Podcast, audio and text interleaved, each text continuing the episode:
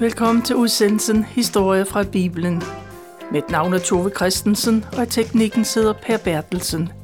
I, I dag fortæller jeg fra Matteus evangeliet i det nye testamente. Og denne udsendelse handler om en begyndelse på et betydningsfuldt liv. Jesu første år var omtumlet og anderledes end mange andres liv i hans samtid. Han blev født uden for ægteskabet og var flygtning. Hans rigtige far var Gud i himlen, men hans jordiske far eller plejefar var Josef. Josef og Maria blev først gift efter Jesu var blevet født. Jesus blev udsat for mordtrusler, og familien måtte flygte til Ægypten. Der levede de som flygtninge, indtil de igen var sikkert at være i deres eget land. Hvad folk sagde og tænkte omkring Jesu tidlige barndom, bliver der ikke omtalt i Bibelen. Men man kan tænke sig, at det lille samfund husker den ugifte, gravide Maria. Det er måske derfor, der var så svært for Jesus som voksen at helbredes i sin egen hjemby. De troede ikke på ham, for de kendte ham og huskede også på skandalerne. Den lille landsby Nazareth blev Jesu barndomsby. På mange måder var Jesus en ganske almindelig dreng, men han var også en moden dreng, og man lagde mærke til, at Gud var med ham. Jesus voksede op i et religiøst hjem. Forældrene overholdt de religiøse regler. De gik i den lokale synagoge på sabbaten. På helligdagen og de tog jævne til templet i Jerusalem, især på de tre største højtider. Om foråret var det påske og pinse. Løvhystefesten var om efteråret. Der, derudover var der flere andre højtider. Mange tog til Jerusalem flere gange om året for at fejre det i templet. Josef og Maria tog afsted så ofte det kunne lade sig gøre. De kom måske ikke afsted tre gange om året hvert år, men påskehøjtiden, den vil man nødig gå glip af. Mange tog afsted, altså de voksne. Jesus og hans søskende måtte blive hjemme. De fik først lov til at komme med, når de havde fejret deres bar mitzvah. Den mærkedag kan på mange måder sidestilles med vores konfirmation. Da Jesus var 12 år, trådte han ind i de voksnes rækker. Sådan kaldte han de ham for lovens søn, for Guds søn. Sådan sagde man til alle drenge, men Jesus lagde noget ganske særligt ind i de ord, for han var i sandhed både lovens og Guds søn. Han var både menneske og Gud på én gang.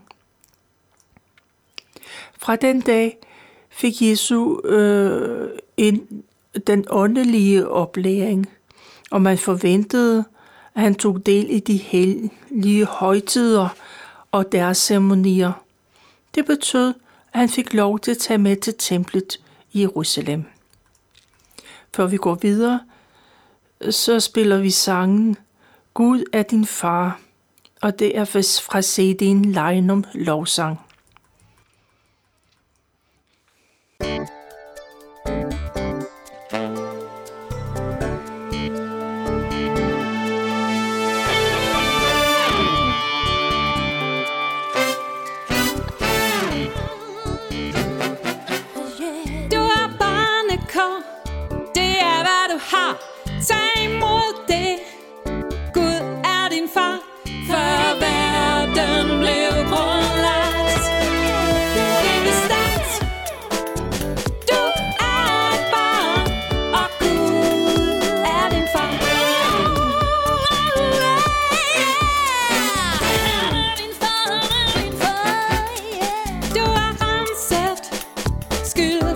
Hey.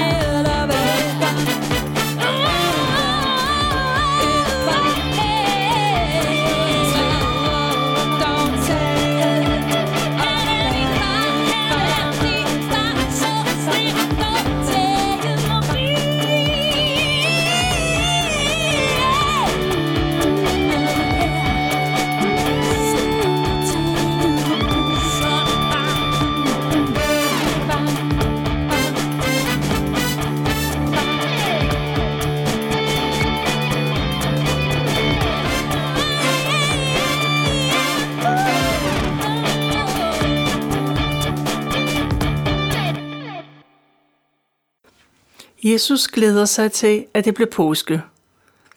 Han er 12 år, og nu regner med ham som en af de voksne, i hvert fald i religiøs henseende. Højdepunktet er at komme med til templet i Jerusalem. De andre år har han måtte blive hjemme sammen med sine små søskende, men i år tager han med sine forældre til Jerusalem. Store skare af mennesker går fra den nordlige Israel til templet i Jerusalem. De enten går eller rider på æsler eller okser. De forår, og landskabet står i blomsterflor.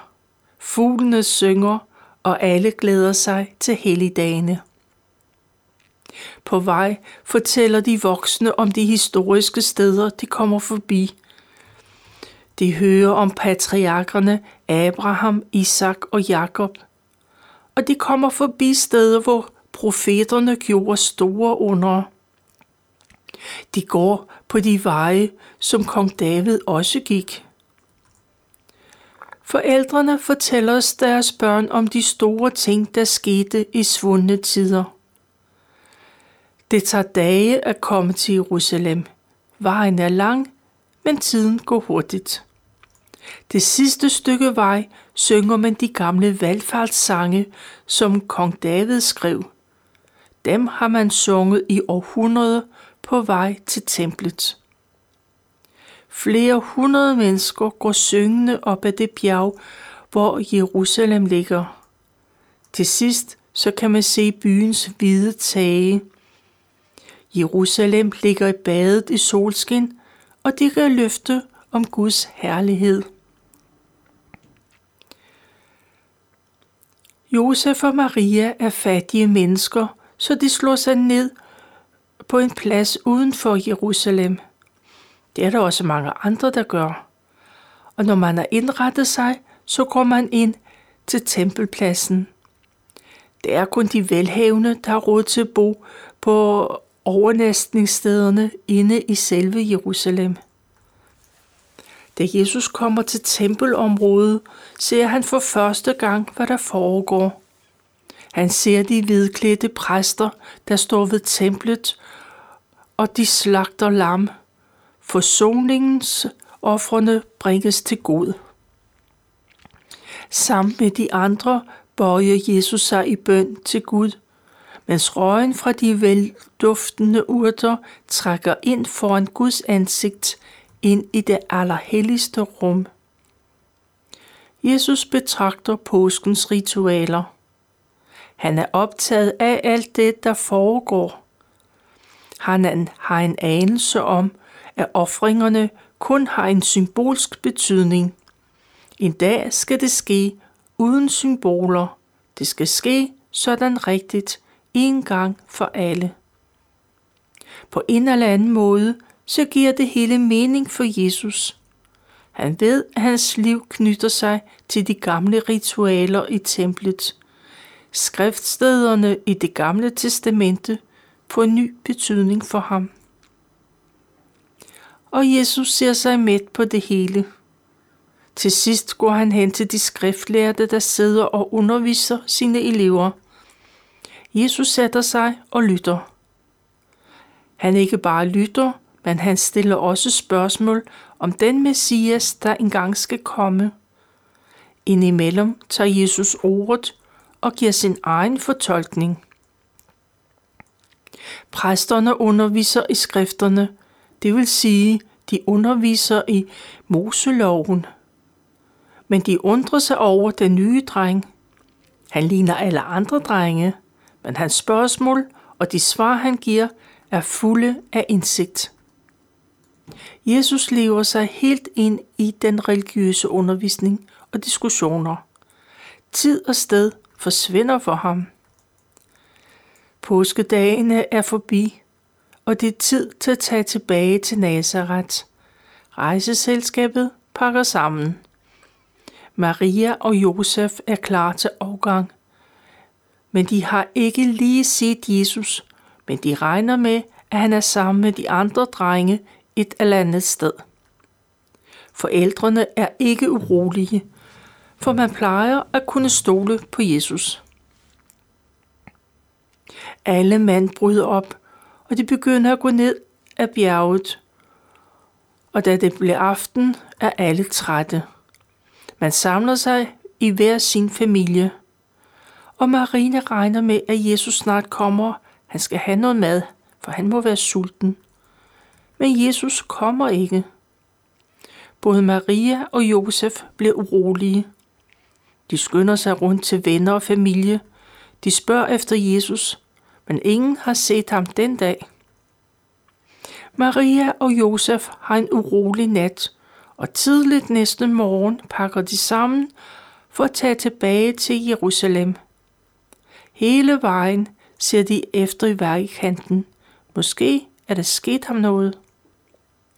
Og så kommer de til Jerusalem, og de leder i byens gader og stræder, lige til det blev mørkt. Hele den næste dag søger de urolige forældre efter deres dreng. De finder ham ikke, og de får endnu en urolig nat. Den næste dag tager de op til templet. Det, der har de ikke været, og de har måske også brug for at mærke Guds nærhed i templet. Men i templets søjlegange bliver de opmærksomme på en gruppe lærte. De sidder dybt koncentrerede. De er alle optaget af at tale med en dreng. Deres dreng. Nu har de fundet Jesus. Både Josef og Maria bliver bragt ud af fatning. Hvorfor sidder han der i templet og taler med de øverste ledere og præster? Og Marias bekymring får overhånd. Hun skælder ud. Hvordan kan han dog gøre det imod dem? De har været så urolige og let alle vegne. Men Jesus ser forbavset på hende. Hun burde da vide, at han er et templet. Hvor skulle han ellers være? Det ville være naturligt, at de havde lidt der først og ikke sidst. Maria og Josef forstår ikke, hvad deres dreng mener. Men Jesus siger ikke mere, rejser sig bare og går med sine forældre. Sammen tager de tilbage til Nazareth. Livet går videre, som det altid har gjort. Jesus gør ikke noget, der kan gøre hans forældre bange. Men Maria spekulerer indimellem på, hvad det var, Jesus mente den dag i templet. Jesus vokser op, og han er vældigt både af Gud og mennesker. Han går fra den ene, fra at være stor dreng, til en ung mand. Han bliver større og stærkere. Og han modnes åndeligt. Han får større forståelse for mennesker, og han får mere og mere indsigt i Guds rige. Jesus bor stadigvæk i Nazareth, men modsat alle andre unge mænd bliver han ikke gift og stifter familie. Han er sikkert tømmer som sin far. Måske er Josef død tidligt. Vi hører i hvert fald ikke om ham efter dengang i templet. Men sammen med sine brødre tjener Josef til dagen og vejen. De arbejder med deres håndværk, som de har lært af Josef. Hele Galilea taler om en mærkelig mand. Johannes hedder han. Han går klædt i en kappe, der er vævet af de stive kamelhår, og han lever ude i ørkenen. Johannes opholder sig ofte ved Jordanfloden, og der taler han til folk. De skal omvende sig fra deres forkerte handlinger. Mange kommer for at lytte til Johannes og lade sig døbe af ham. Johannes' mission eller opgave, det er at prædike omvendelse. Han gør folk klar til at møde den Messias, der er omtalt i det gamle testamente. Så mange som muligt skal være klar til at møde Guds udsending. En dag står Johannes og underviser sine elever, sine disciple. Lige pludselig så får han øje på den mand, han har ventet på. Det er det menneske, Johannes har prædiket om. Guds søn kommer gående. Alle andre ser kun en ganske almindelig mand. Men Johannes ved, at det er ham, som er ventet. Jesus er gået fra Nazareth for at lade sig døbe af Jesus. Men Johannes, han synes, at det er ham, der har brug for at blive døbt af Jesus, og ikke omvendt. Men det bliver, som Jesus gerne vil have det. Og de to mænd går ud i Jordanfloden. Og Johannes døber ved at dykke Jesus ned i vandet. Og da Jesus kommer op igen, så daler Guds ånd ned over ham. Ånden ligner en due, der kommer ned fra himlen. Himlen åbner sig, og en røst siger, at dette er min søn, den elskede. I dig har jeg fundet velbehag. Gud vedkender sig sin søn i fuld offentlighed. Og da Jesus kommer op af Jordanfloden, er han fuld af helligånd, og han er klar til at begynde sit egentlige virke. Fyldt af helligånden går Jesus væk fra Jordanfloden. Han har ingen klar idé om, hvor han skal hen, men han går derhen, hvor ånden fører ham. Jesus bliver ført sydpå til den stenørken, der ligger mellem Jordanfloden og Jerusalem. Det er et bjergområde fuld af klippehuler, og der er sparsomt med både vand og planter. Jesus er i ørkenen i 40 dage. I al den tid fordyber han sig i bøn til sin far, til Gud. Der er intet, der forstyrrer ham. Han bliver ikke afbrudt af mennesker, der vil snakke, eller pligter, han skal udføre. Ikke engang måltider afbryder hans tanker, for Jesus spiser ikke noget i over en måned. Han bruger al sin tid og energi på at være sammen med Gud og forberede sig på den opgave, han er født til at udføre. Efter 40 dages faste, så mærker han sulten. Den kommer med fuld kraft. Lige da Jesus er allermest sårbar, så kommer djævlen til ham. Djævlen kommer i egen person, for hans opgave er vigtig. De to stærke modstandere, de mødes derude i ødemarken. Gud og djævlen. Meget står på spil for dem begge to.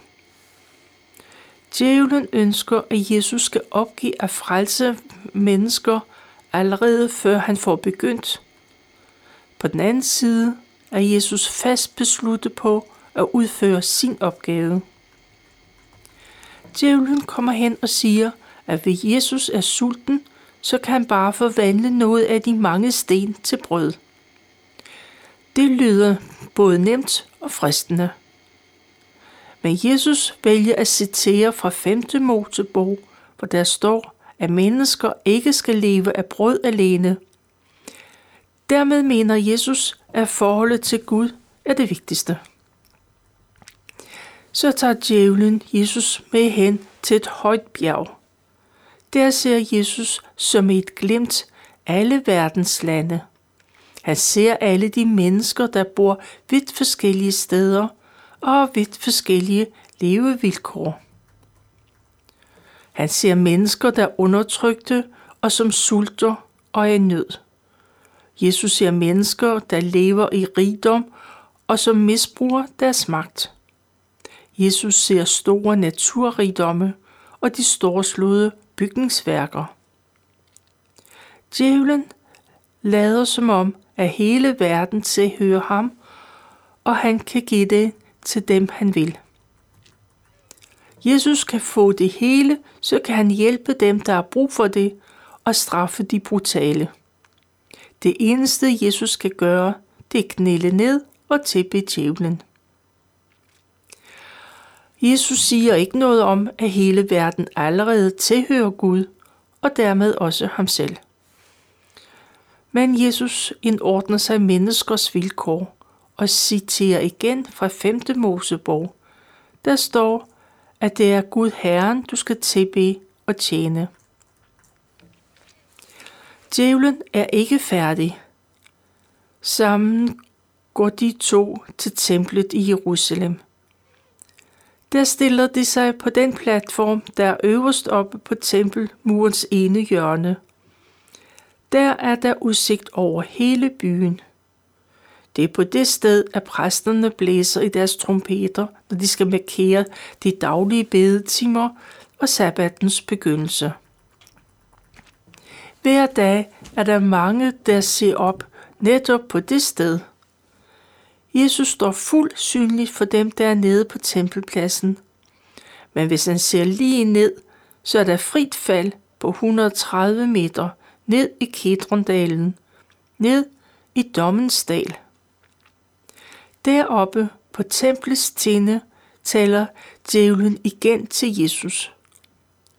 Hvis han virkelig er Guds søn, så kan han kaste sig ned fra tårnet. Så vil Gud befale sine engle at passe på Jesus, så han ikke støder sin fod på nogen sten. Alle vil kunne se, at der sker et under. Både dem, der er i Jerusalem, og dem, der er på tempelpladsen, de vil være klar over det. Men Jesus siger, forsvind satan, for der står skrevet, at det er Herren din Gud, du skal tilbe, og som du skal tjene. Og så giver djævlen op. Han har gjort alt, hvad han kunne, men Jesus faldt ikke for fristelsen. Djævlen forsvinder, og så kommer der engle og sørger for mad til Jesus. Men djævlen giver ikke op. Han vil prøve igen. Lige så snart der kommer en ny chance, vil han prøve at friste Jesus. Jesus forlader templet og Jerusalem. Det er ikke der, hans opgave er lige nu. Han går nordpå for at tage til Galilea. Jesus tager ikke til Nazareth, hvor han kommer fra, men han går til byen Capernaum, der ligger ved Genesrets søen. Der bor han de næste tre år. En dag går Jesus langs Genesarets søbred eller Galileasøen.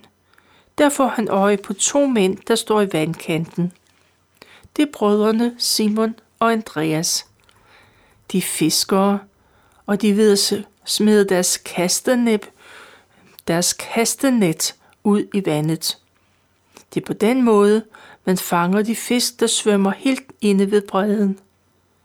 De to mænd er travlt optaget af at få dagens fangst i hus. Men Jesus afbryder dem ved at råbe. Kom med mig, så skal jeg gøre jer til menneskefiskere. Både Peter og Andreas ser op, og så får de øje på Jesus. Men de kender ham ikke. Alligevel ved de, at de må følge den mand. De lader deres garn ligge på stranden og de er klar til at gå i en form for mesterlærer. Både Simon og Andreas kender godt den form for undervisning. Mange andre har også samlet en flok disciple eller lever omkring sig.